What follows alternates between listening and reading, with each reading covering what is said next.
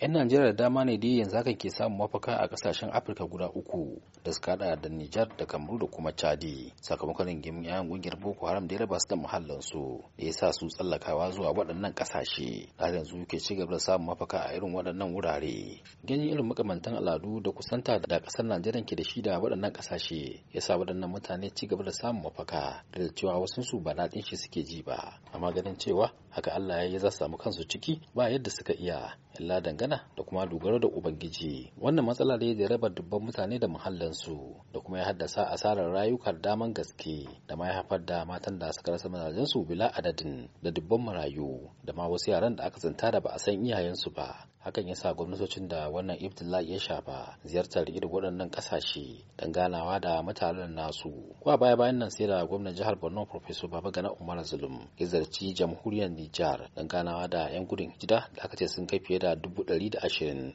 sai dai wasu daga cikinsu tuni suka kama sana'a don ci gaba da gudanar da rayuwarsu da ma rike kawunansu da iyalansu kamar yadda waɗannan malamai suka shaida mun.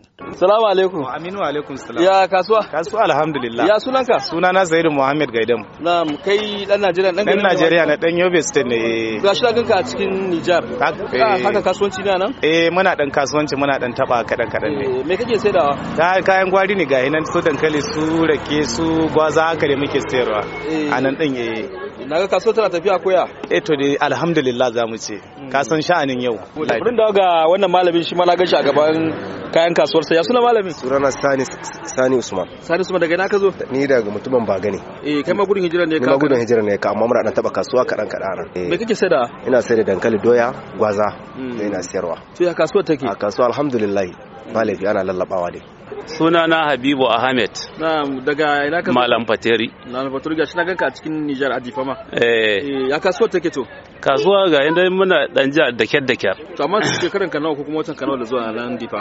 na yau shekara ta uku Shekara uku kana Difa. eh, Me kake saidawa?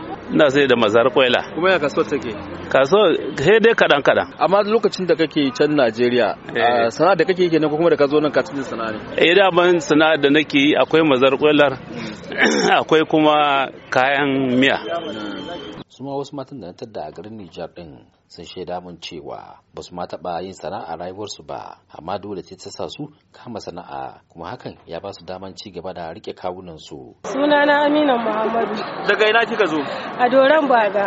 Eh gudun hijira ne ya kawo mu. Wallahi shekaran mu shida a- a nan gari. Eh. to ya batun sana'a fa Sana'a aure ce nake yi. lokacin da kina Najeriya kina wannan sana'a ne ko da Wallahi bana wannan sana'a. Da ni zo nan ni kama wannan sana'a. saboda ki rike kanki Mm, mu samu ba abinda za mu ci mu sha ba. sunana kaltum ibrahim isa ne rabar lakwat gwamnati kamar shekaran ki nawa ko kuma watan ki nawa nan gaskiya tun da aka yi hijira shekara na shida a garin nan ina dan sana'a na kadan kadan tare da iyayena ina da yara Su yaran barakallah su nawa ne?